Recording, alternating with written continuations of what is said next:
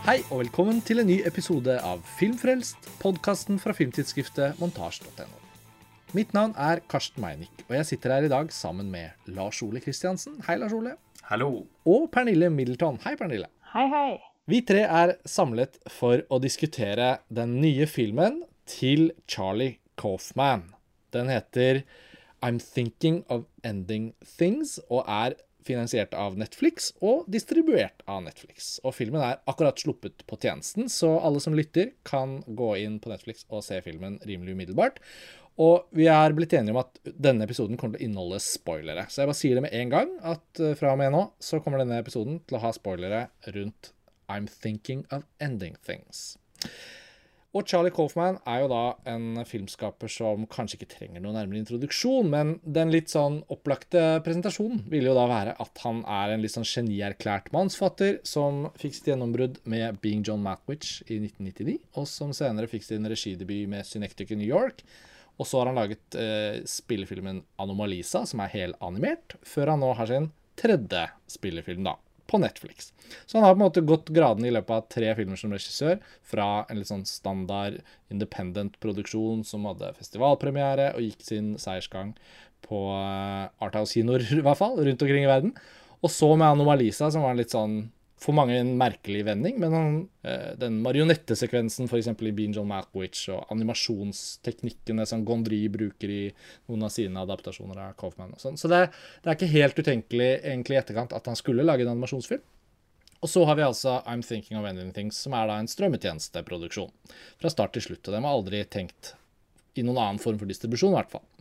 Så Lars Olav og Pernille, det er liksom eh, premissene med Charlie Coffman. eh, Og det fine vi har snakket litt om i oppvarmingen til episoden, er at alle tre har liksom forskjellig inngang til denne filmen.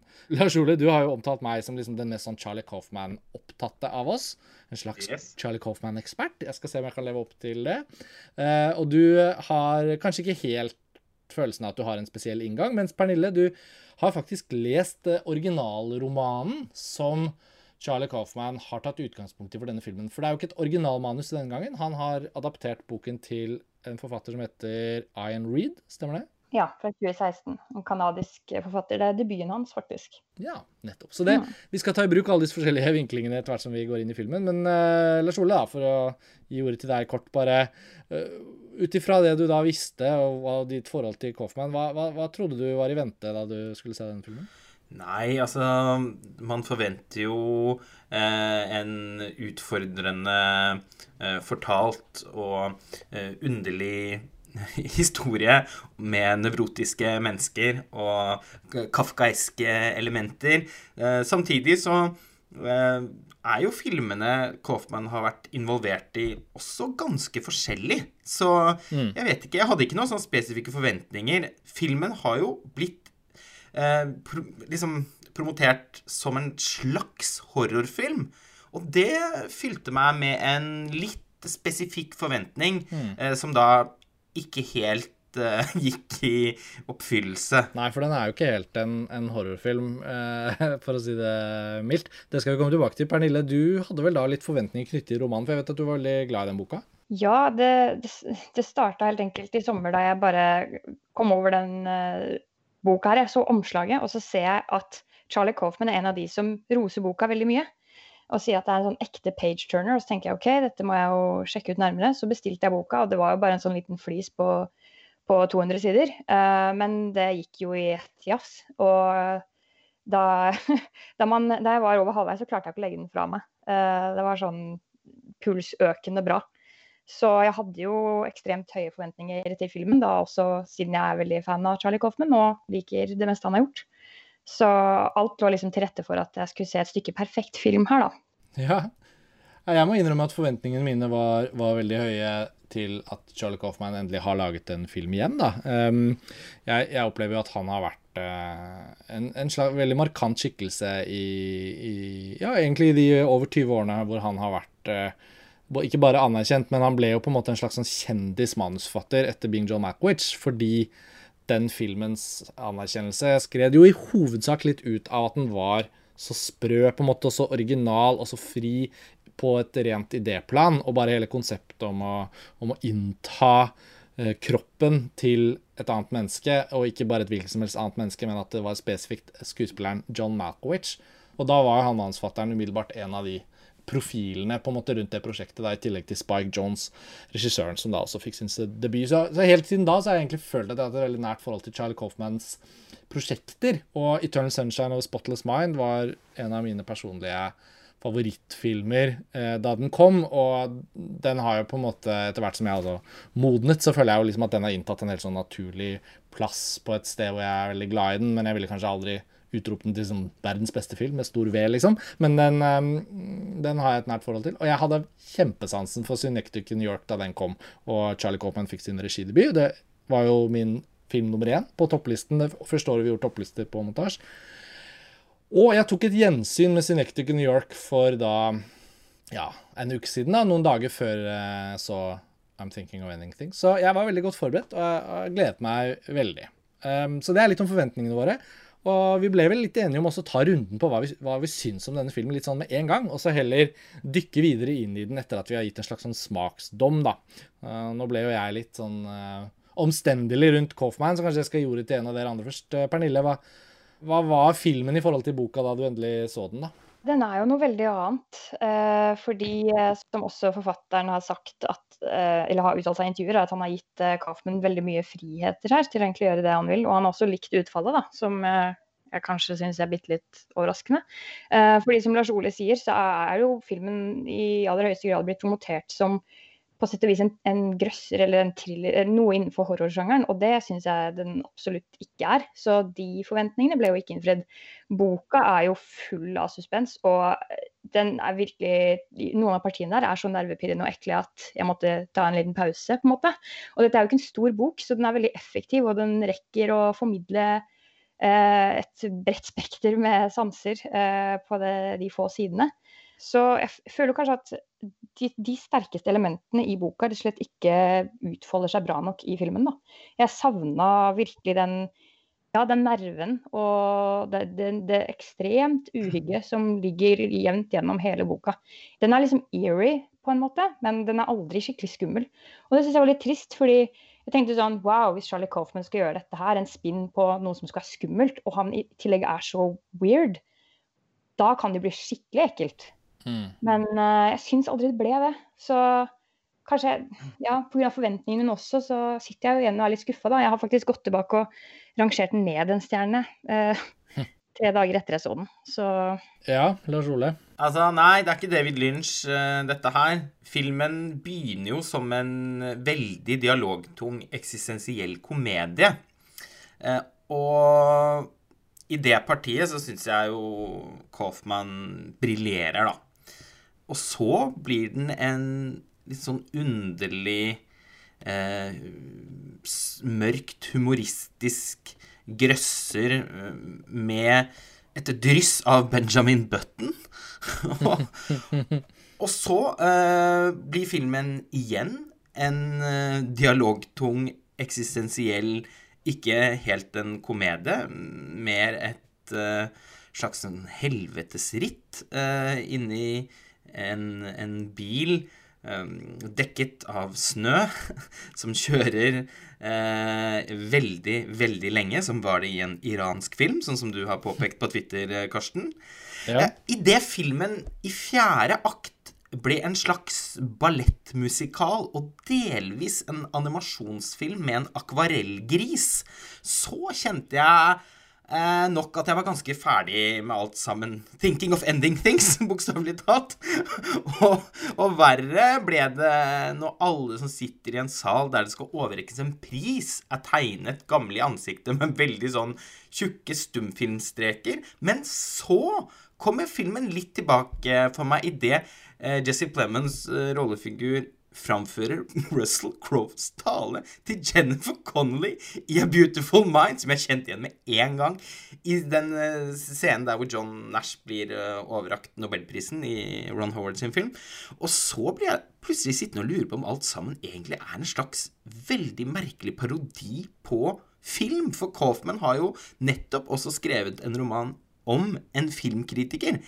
Og i det som må være de soleklart morsomste minuttene i I'm Thinking of Ending Things, så har han bakt inn en film i filmen som er en sånn klisjéscene på en diner, helt vidunderlig parodi. Særlig eh, blir det gøy når rulleteksten avslører at den liksom er regissert av Robert Forrest Gump Zemeckis. Da, eh, men når alt kommer til alt, så syns jeg nok filmen er mer frustrerende enn fengende og imponerende. Litt et sånt Frankenstein-monster av ideer som går litt opp i liminga, og det veldig sånn utstudert kafkaeske ved filmene til Coffman, det må jeg innrømme at fascinerer meg mindre og mindre. Det var litt tilfelle med Anomalisa òg, så ja og nei.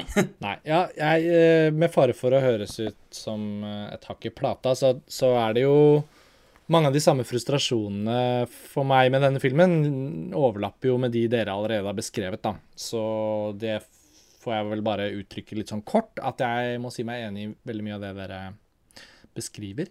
Det er en veldig underlig film, ikke bare fordi den er underlig på en måte sånn som den er, men den er underlig fordi det virker som Jeg føler meg ikke sikker på dette, men jeg sitter igjen med en litt sånn ubestemmelig magefølelse av at det er noe litt sånn blasert og selvfornøyd og jeg vil ikke si at han er lat, for det er jo veldig sånn vellaget, og det bobler over av ideer og sånn.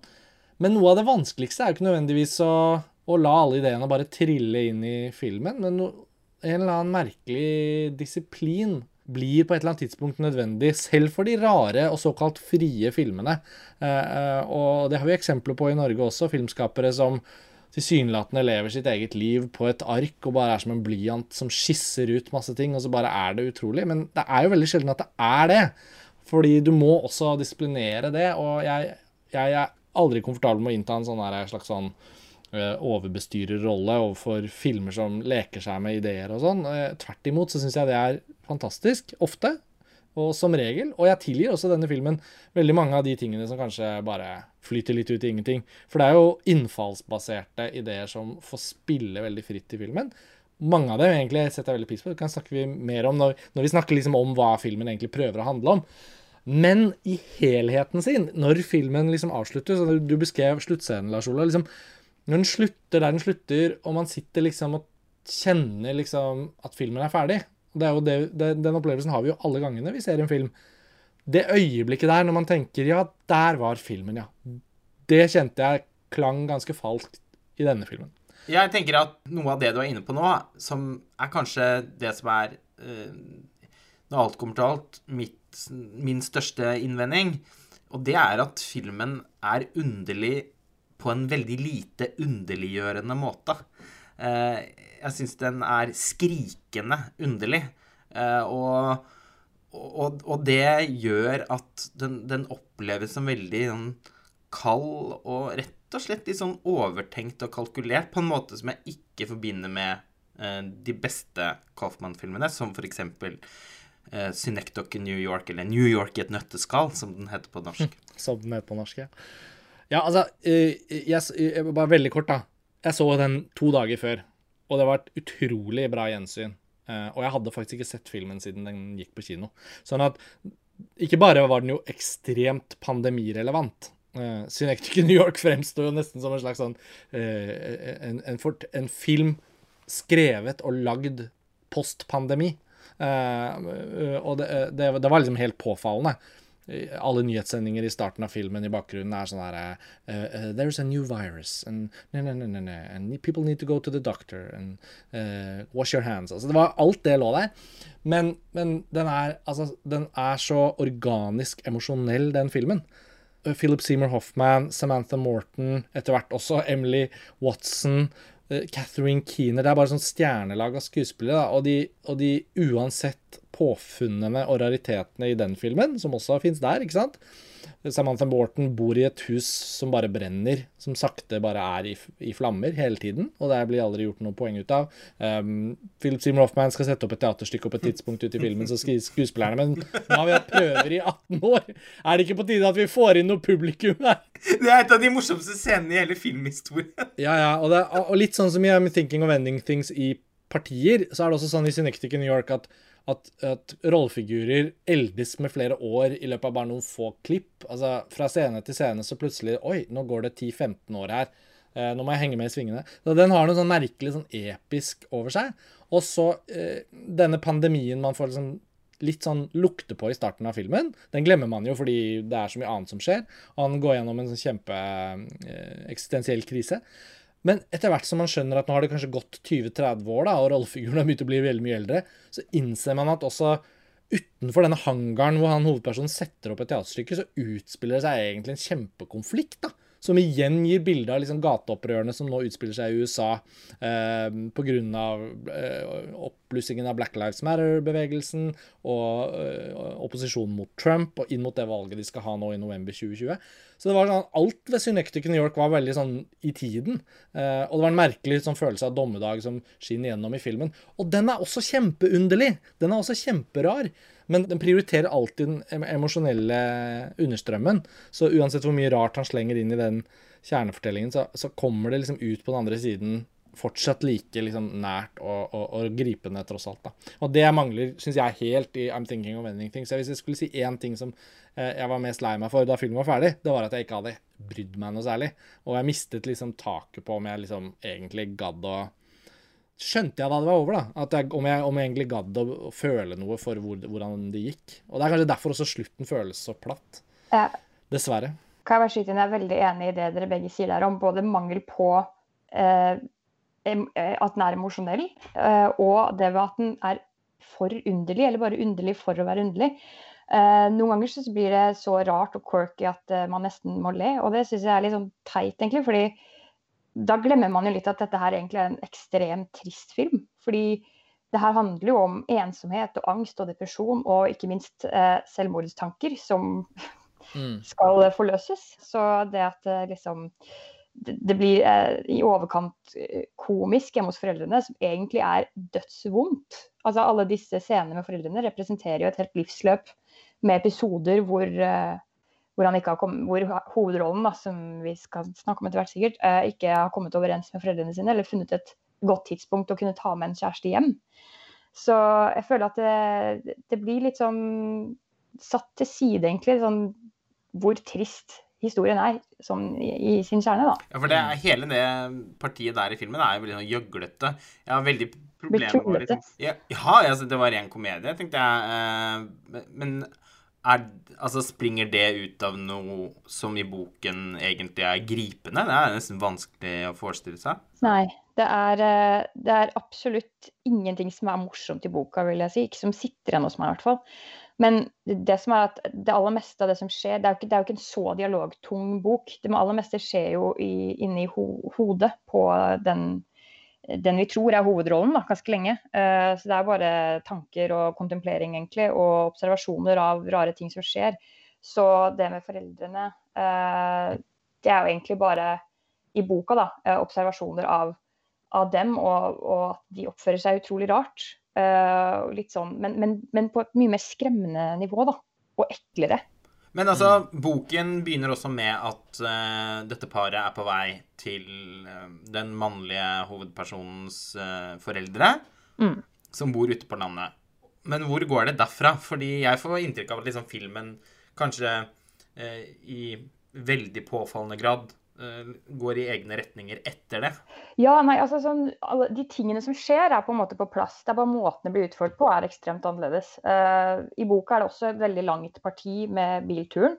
Uh, og det er veldig ja. mye sånn uh, beskrivelser av hvordan omgivelsene ser ut. Ting begynner å bli mørkere og mørkere, og de er øde, og man kjenner seg ikke igjen. og det, du merker egentlig helt fra starten av at, at, ting er litt rart. Og ubehaget blir jo allerede satt da vi vet at hun er på vei Eh, på en ganske lang tur med kjæresten sin, som hun vet at hun ikke har noe framtid med, og som hun ikke egentlig vil være med. Så vi er jo inne i hodet da på denne kvinnelige hovedrollen, og blir egentlig ikke kjent med kjæresten Jake uh, foruten det hun tenker om han. Altså, hun skildrer han, utseendet hans, ting som irriterer henne ved han, eller ting han gjør bra, da. Uh, litt sånn fram og tilbake. Hun, hun, hun vurderer jo, hun er ikke sikker. Og så tar det noen sider før man kommer fram til den gården. Og da er det sånn veldig guffent. Det er liksom bekmørkt. Det er det jo ikke i filmen. Det ankommer jo på dagen. Mm. Møtet med foreldrene er at de, de, de ser litt ut som kanskje to karakterer fra en eller annen horrorfilm, på en måte. Mm. det legges mye vekt på hår, hårlinjer, eh, litt sånn gamle plastre, en ekkel tå, guffen guffen latter. Altså det er, alt dette kommer jo også fram i filmen, eller det vises jo i filmen, men på en ja, mer gjøglete måte, som du sier. da. Eh, jeg så for meg noe helt annet. Jeg så for meg denne skrekkfilmen. Men er, er, det også sånn i boken at eh, foreldrene skifter alder og sånn fra scene til scene? Nei, det er det ikke. Så det er et Colfmansk eh, trekk. Og så blir jeg også selvfølgelig sittende og lure på om boken da slutter som en blanding mellom Dirty Dancing og A Beautiful Mind. Absolutt ikke. Eh, Musikalelementet er fullstendig fraværende, og det irriterte meg egentlig litt at det tok så mye plass. Fordi ble, Nå ble det plutselig litt sånn vakkert og fint, da. Men slutten er jo egentlig bare grusom. Eh, først en skikkelig eh, eh, thriller hvor noen blir forfulgt og tror de skal bli drept. Eh, helt til det forløses i eh, et ganske stygt selvmord. Det er rett og slett ganske ghastly og kunne vært ekstremt cinematisk. Men det ble ikke det, syns jeg, da. Det er liksom nesten leit å høre at det er ting som fungerer så bra i boken, som på en eller annen måte ikke har funnet sin vei inn i filmen. Men uh, i innledningen så nevnte jeg vel aldri 'Adaptation' som en av Charlie Coffman-filmene vi kjenner ham for. og den er jo veldig relevant her, i og med at han her adapterer en roman. Og noe av poenget i 'Adaptation', som ble regissert av Spike Jones, men hvor hovedpersonen er Charlie Coffman og hans uh, fiksjonelle tvillingbror Donald Coffman, den handler jo da veldig mye om uh, strevet for en uh, mannsfatter som anser seg selv som en, en, ganske original fyr, som gjerne vil at liksom, et manus ikke bare skal være en sånn fabrikkreasjon, men at det skal være liksom, en, en, skapning i seg selv. Han prøver å adoptere en bok og strever med det, og det blir til filmen som vi ser på. da.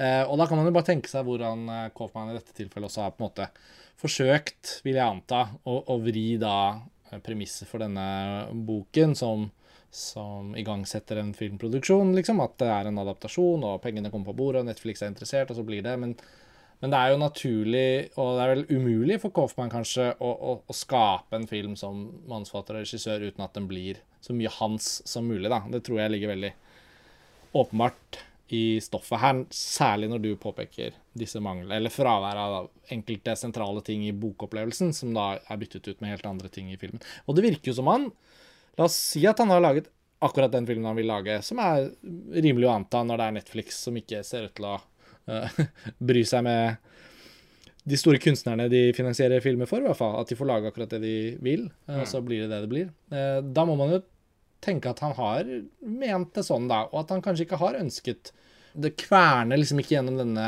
filmen en sånn sterk følelse at han vil at vi skal føle noe. Han, han elsker liksom ikke Jake, føler jeg. Han liker ikke Jake. Han liker ikke den utrolig triste personen som da forestiller seg denne kjæresten, for det er jo det som skjer her. at hun vi gjennom hele filmen egentlig opplever at det er en hovedperson. Hun er jo da bare en forestilt figur i hans indre Jake, da. Så det er jo dette Fight Club-elementet hvor, hvor eh, Ja, hvis det er noen lyttere som ikke har sett på Fight Club, så får de skru av nå, men eh, Brad Pitts rollefigur er da selvfølgelig også en del av Edward Nortons forestillingsevne.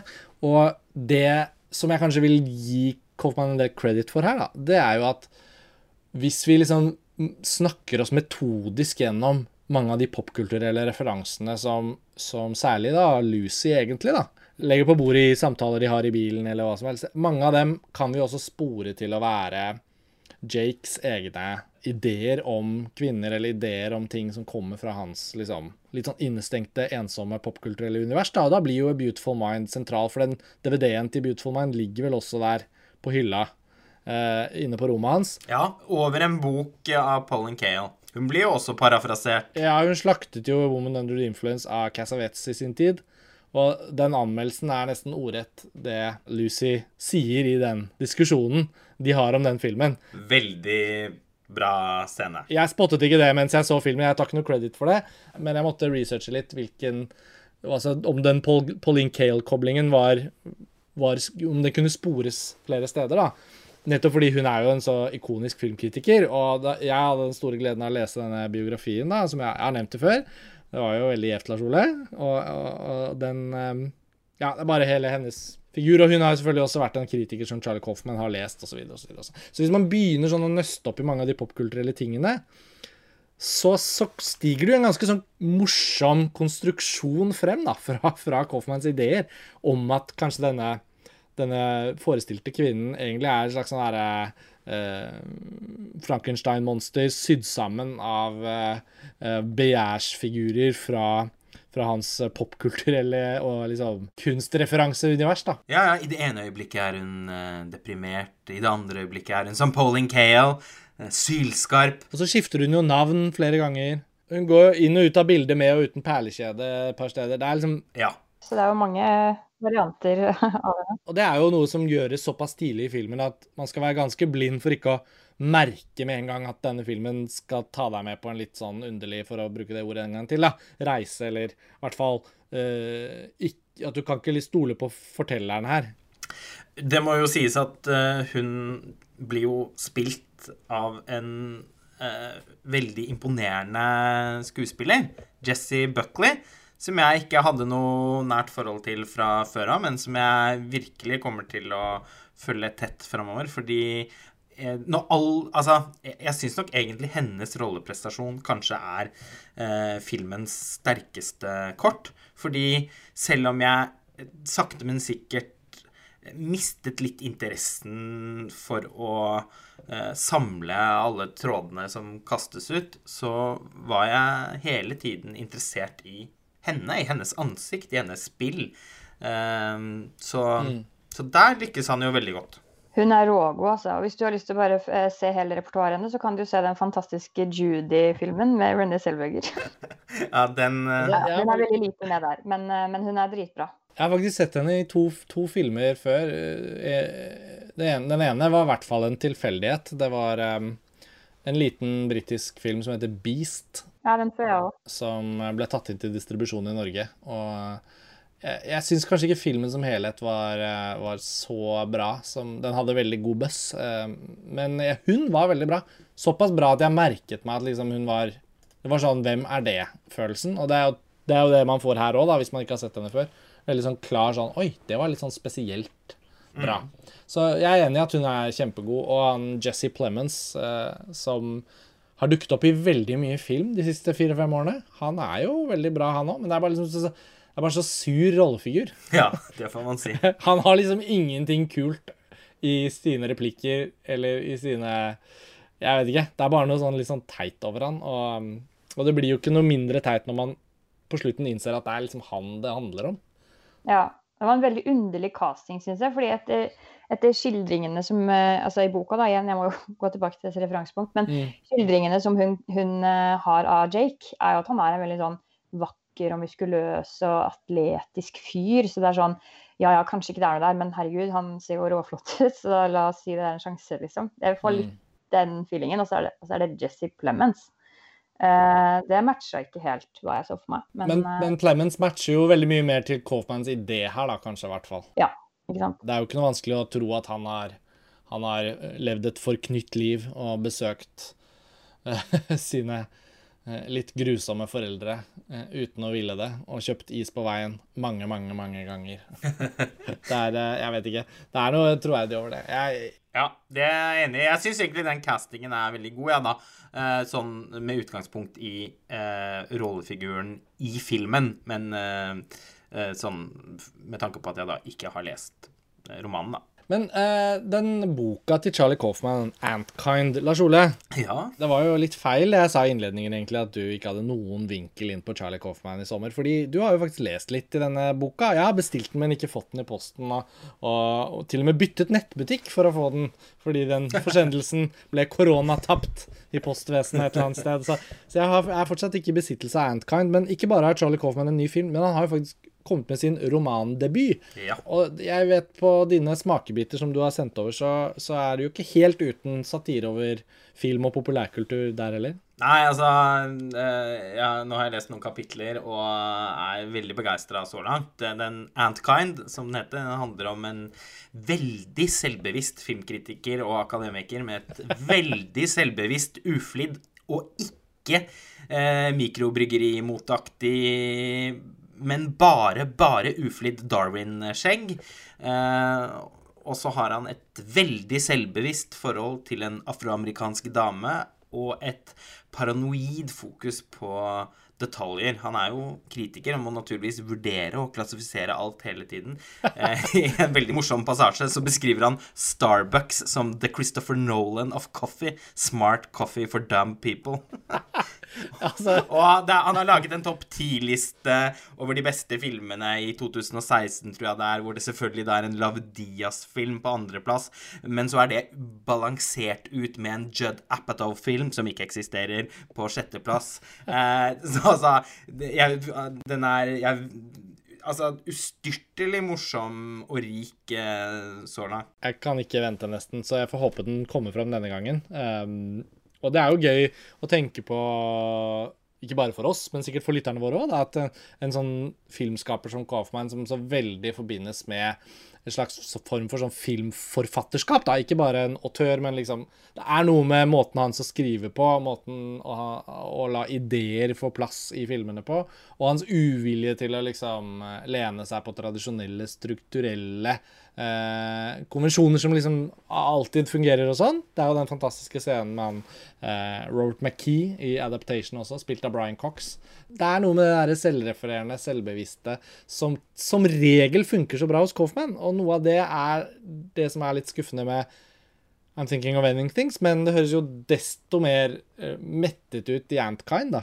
At hvis man kanskje ikke føler man får Coffman-dosen sin 100% med den filmen, så kan man jo da sikre seg den dosen i romanen. Ja, det, det vil jeg si. Um, hvis vi liksom skulle trekke noen av disse trådene sammen i en slags oppsummering rundt dette, så føler jeg jo litt at Jeg må innrømme at det hviler en liten sånn Et lite stikk mot Netflixeriet her også, da, for min del. Den er skutt av en flott polsk fotograf, og den er skutt i Academy, og tidvis syns jeg bildene er veldig flotte, så det er jo ikke egentlig en kritikk av det visuelle i filmen, men det er noe sånn Ja, det er noe Netflix over det.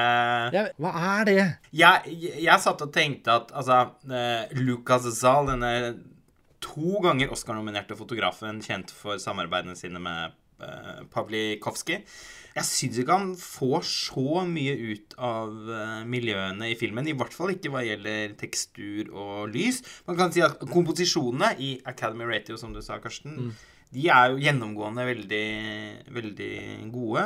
Men ellers så er det egentlig bare de bilscenene som imponerer meg fotografisk. Særlig den andre halvdelen, hvor det, når det blir veldig Snø, mørkt. snøstormen Den- tetner seg til. Ja, det er rimelig å forvente noe enda mer interessant eh, når, når denne polske fotografen og, og Kaufman skal samarbeide. Og når Kaufman har ideer som at plutselig filmen bryter ut i et storslått dansenummer, på en måte, da, da syns jeg altså det var så påfallende at på en måte ideene hang da ikke med i det visuelle. Da var det litt sånn at det på en måte bare det ble en dansescene, og så var det så opplagte klippepunkter, og det var så Det var litt sånn ustemt, syns jeg, musikalitet mellom hvordan kameraet skulle også helst egentlig spinne opp med ideen, da, syns jeg. Jeg savnet at ikke det visuelle liksom fulgte rytmen og tenkte OK, nå er vi plutselig en danse. Nå, nå kan vi virkelig Og det refereres til musikaler, og Oklahoma er jo veldig sentral. Og det er som om liksom den der gullalderen for filmmusikalen er en missed opportunity. Og det ville vært veldig logisk for hele filmens idé. Eh, alle de referansene, alt det som spiller inn på hovedpersonens da indre forestillingsevne, fikk vi jo ikke se i bildene. Det er en kritikk jeg føler er liksom betimelig. da, at Uansett hvor bra og liksom bra tenkt og noenlunde bra gjennomført det er, så er det flere sånne øyeblikk i filmen hvor man tenker at her skal den jo bli film. Nå skal det jo skinne. Og det, Da skriver jeg det litt på den Netflix-kvoten, hvor det kanskje innerst inne hviler en liten sånn stemme bak øret til alle som er involvert, og tenker at ja, men det er jo liksom for iPhones og iPads og flatskjermer, dette her. Jeg er veldig enig i det med at de flotteste bildene kommer fram eh, i andre biltur. Eh, Men jeg syns også egentlig at det var ganske imponerende foto i, eh, inne i huset. I hvert fall spesielt på dagtid, av interiøret der og scenografien syns jeg også var veldig flott.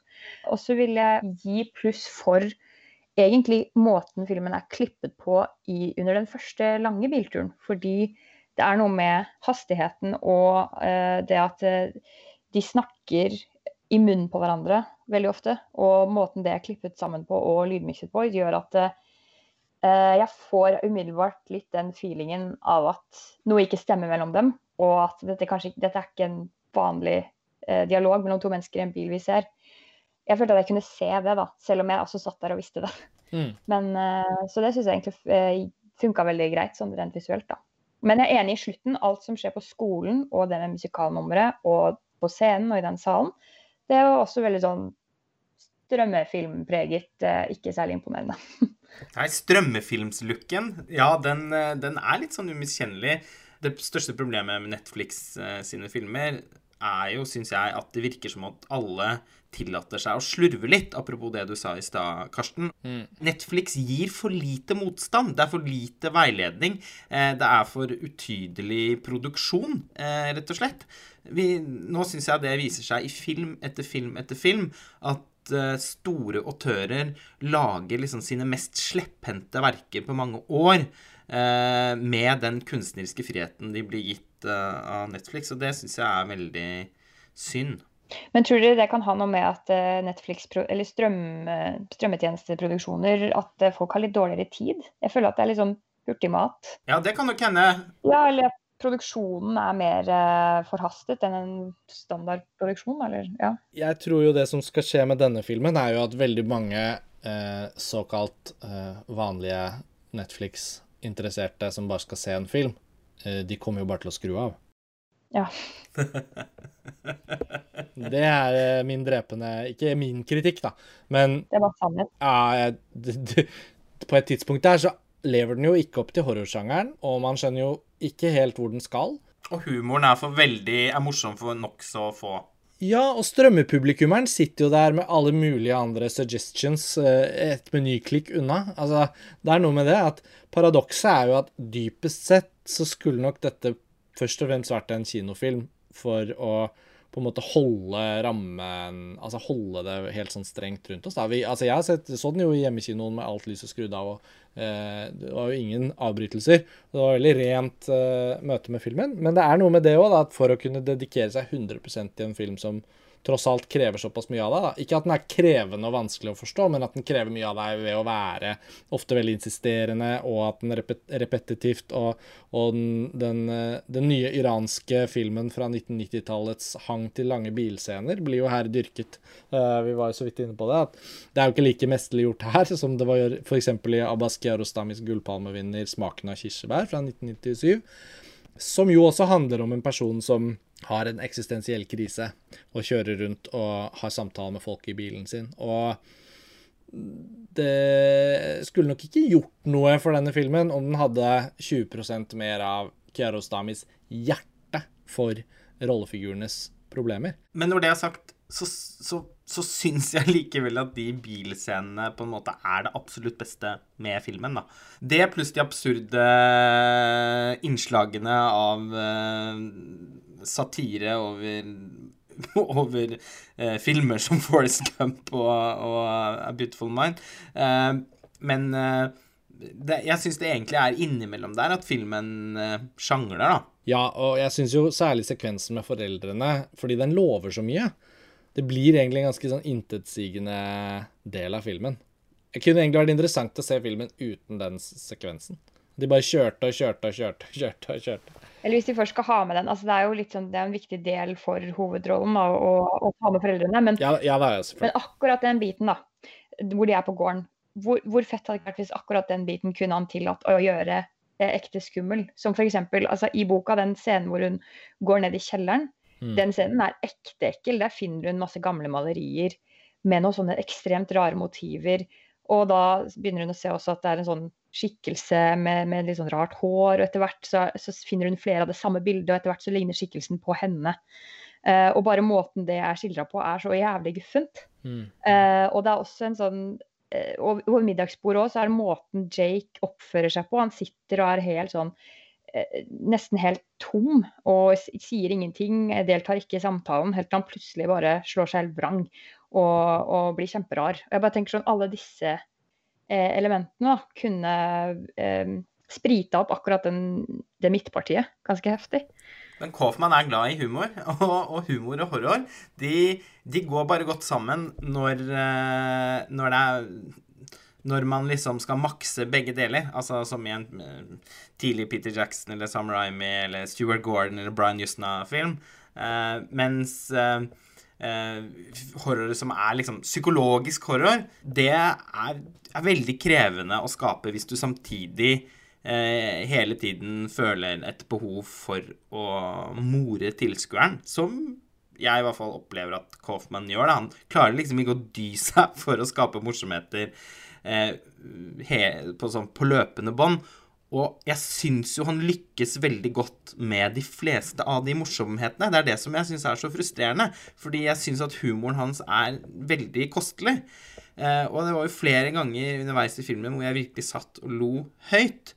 Men det er noe med sammensetningen. Eh, gryteretten, liksom, som, som, sammen etterlater en litt sånn brun uh, smak i munnen. Og det er ikke med letthet, i hvert fall. Jeg tror ikke det er det for noen av oss, men det er på en måte det er visse forventninger som ligger til grunn når alle de involverte har stilt opp og laget liksom en film. Charlie Coffman som sentrale kunstneriske bidragsyteren. Og det er jo med det som utgangspunkt at jeg kjenner på disse tingene her. Og det er klart at kanskje ville man hatt en litt annen reaksjon hvis det var en litt annen ramme, da. Hvis det var en debutant, og hvis filmen kom på en filmfestival, og hvis den var laget på en viss måte, hvis den til og med kunne kommet fra et annet land enn Amerika så mange sånne, Det kan man si om alle filmer, da, men liksom, akkurat her så blir jo liksom Charlie Coffman-premisset, i hvert fall for meg, er helt sånn umulig å komme utenom. At det er liksom hans nye film, og da er det umulig å ikke tenke på den i lys av det han har gjort før, og hva han er kapabel til. Og så er det jo kjempeinteressant at du har lest kildemateriale, Pernille, og få høre dine tanker rundt hva boka egentlig utretter. da. Fordi tematikken den egentlig skal skildre, den, den høres det jo ut som at Coffman tidvis liksom er litt sånn lagt til side. Og jeg ville strevd hardt med å liksom argumentere for noen og anbefalt denne filmen som sånn, et sånt ensomhetsportrett, f.eks. Mm. Det, er, det er en utrolig sterk film om å være ensom og lengte. Liksom. Det, men, så, det, er kanskje det den skal handle om, men jeg føler ikke at jeg kunne sagt at den filmen får til det. Spørsmålet litt er jo faktisk hva er den egentlig prøver å handle om. Nei, det er ikke godt å si. Det, det er jo relativt åpent. Da. Altså, det er jo det er jo såpass lite som skjer sånn akkurat helt på slutten. Vi sitter jo igjen med et bilde, og så må vi på en måte tenke oss litt selv hva var det som skjedde. Mm. Fordi det er jo flere involverte som er inne på skolen som vi vet om, og så vet vi på en måte ikke helt sånn hvem endte opp hvor, på en måte, hvis vi bare skal se det ut fra det siste bildet, da. Så det er vel noe med at han vil, han vil jo sikkert bare ha det veldig åpent for tolkning. Ja, min tolkning uh, av liksom hva det plottmessig er som skjer, er vel basically at han gamle vaktmesteren har vært Jake gjennom livet sitt, og er nå gammel og mer og mer ensom og egentlig ganske ferdig med livet og avslutter livet sitt. Og i løpet av den litt korte perioden så ser han en Robert Zemeckis-film og, mm. og, oppfører seg litt så halvufyselig med noen uh, unge jenter som spiller i en musikal på skolen. Og så innser han at nå får det være nok. Og så møter han en animert gris, og så tar han livet av seg. Når du sier det på den måten, så er det jo ganske morsomt, da. og innimellom der så får vi sånne flashes of what could have been. Og det er liksom filmen, da. Men jeg kan bare si at hvis han skulle tatt det fullt ut og virkelig tatt med Altså inkludert slutten sånn som det er, så skulle vi da ha sett at han gikk eh, febrilsk naken inn i et klesskap og tar livet sitt med en kleshenger rett i halsen. Ja, såpass, ja. ja. Litt sånn eh, eksplisitt eh, vold. Ja. Mm, selvpåført vold. Men jeg lurer litt på om eh, Charlie Coffman egentlig har godt av å samarbeide med andre. Fordi jeg syns også den Anomalisa var litt sånn en, en, mest av alt en morsom idé med et par eh, fantastiske scener, men som helhet dessverre ikke noe jeg har tenkt veldig mye på i etterkant. I motsetning til de tidlige Coffman-filmene, som da er eh, regissert av henholdsvis Spike Johnsey og Michel Gondry. Og, eh, og, så, og, så, er liksom New York et nøtteskall Eller Synecdoche New York. Det er jo kanskje den beste av alle de filmene. Men den har også, på tross av veldig mye poesi og eh, original motivbruk og sånn, egentlig et nokså tradisjonelt filmspråk. I alle fall sammenlignet med f.eks. da uh, Adaptation til Spike Jonze og Michelle og Eternal Sunshine of the Spotless Mind til Michelle Gondry, begge to musikkvideoregissører. Uh, mens både i Animalisa, som da er en animasjonsfilm Det er ikke noe han, hold, ikke noe han har erfaring med.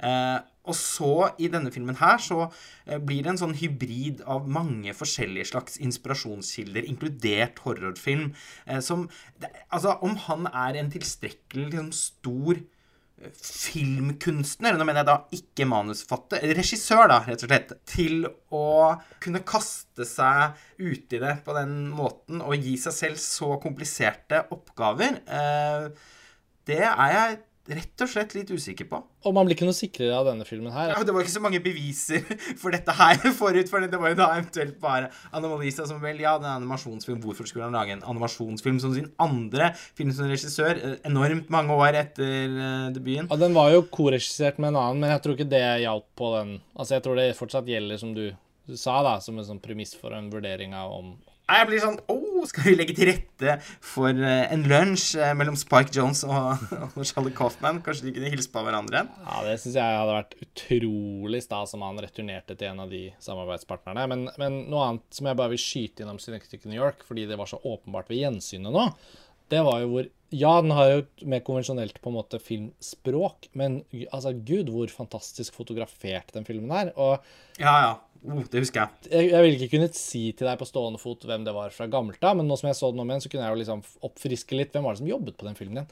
Ja, det var Fred Elms. Ja. Så det er liksom Blue Velvet, Wild at Heart, The Ice Storm. Ja. og jeg var kjent sånn Ja, selvfølgelig. Så det er- jo på en måte medvirkende årsak til at han fikk så mye til med den filmen, er jo selvfølgelig at han var omgitt med bare virkelig fantastiske samarbeidspartnere. Og det, jeg sier ikke at det ikke er tilfellet med Lucas Zahl og sånn nå, det er jo ikke det, men sånn det er flere ting enn bare at Charlie Coffman har hatt et utrolig bra manus og har hatt masse støtte rundt seg til å få en skikkelig regidebut. da. Den bærer jo ikke helt preg av å være en debutfilm, for å si det sånn. Den er, den er jo egentlig nesten litt sånn gammelmannsfilm, og jeg tror det er liksom nøkkelfilmen. Jeg aner ikke hva Coffman ville svart selv, men sånn som man tenker på alt, så føler jeg liksom at det er den blomstrende idérikdommen i mange av de gjennombruddsprosjektene, men Synectic New York har liksom alle særtrekkene til en slags sånn destillat av hva en kunstner er ute etter å si, da. Med tanke på hva han holder på med nå, så føles det jo litt sånn vanskelig å se for seg at han kommer til å lage noe sånt igjen. Også fordi filmkulturen endrer seg. ikke sant? Nå er det Netflix som slenger pengene på bordet, og da blir det litt sånn type film. Mens Synectic New York ble laget i kanskje det som vil se ut til å være en av de siste årene av en litt sånn dyr independent-film, produsert på høy, ganske høyt budsjett, med de beste amerikanske filmfolka, liksom. Det er det jo ikke så mange av lenger. En sånn såkalt mellomfilm. Skal vi da avslutte, dere? Det var jo en ganske grundig gjennomgang, vil jeg si. Um, det blir jo spennende egentlig å høre nå om mange av lytterne våre kanskje har kjempemye mer sans for denne filmen enn oss. Vi blir jo av og til beskyldt for å være i overkant entusiastiske og sånt. Eh, Nå ble vi jo ganske kritiske totalt sett. Ehm, Men det er en film verdt å se, og jeg tenker jo at det er en film folk burde se, oppi alt man bruker tid på på Netflix og rundt omkring. Så tenker jeg jo at det er i hvert fall en film som er verdt å se hvis man er noenlunde interessert. Eh, Eller tror man er interessert. Så Ja, det er ikke en dårlig film. Det er det ikke. mis litt mislykket kan vi vel si at den er. Ja. OK, Lars Ole, Pernille. Vi får bare si det sånn. Så høres vi igjen snart ved neste gode anledning. Takk for at dere hører på Filmfrelst alle sammen, og ha det bra. Ha det. Ha det bra.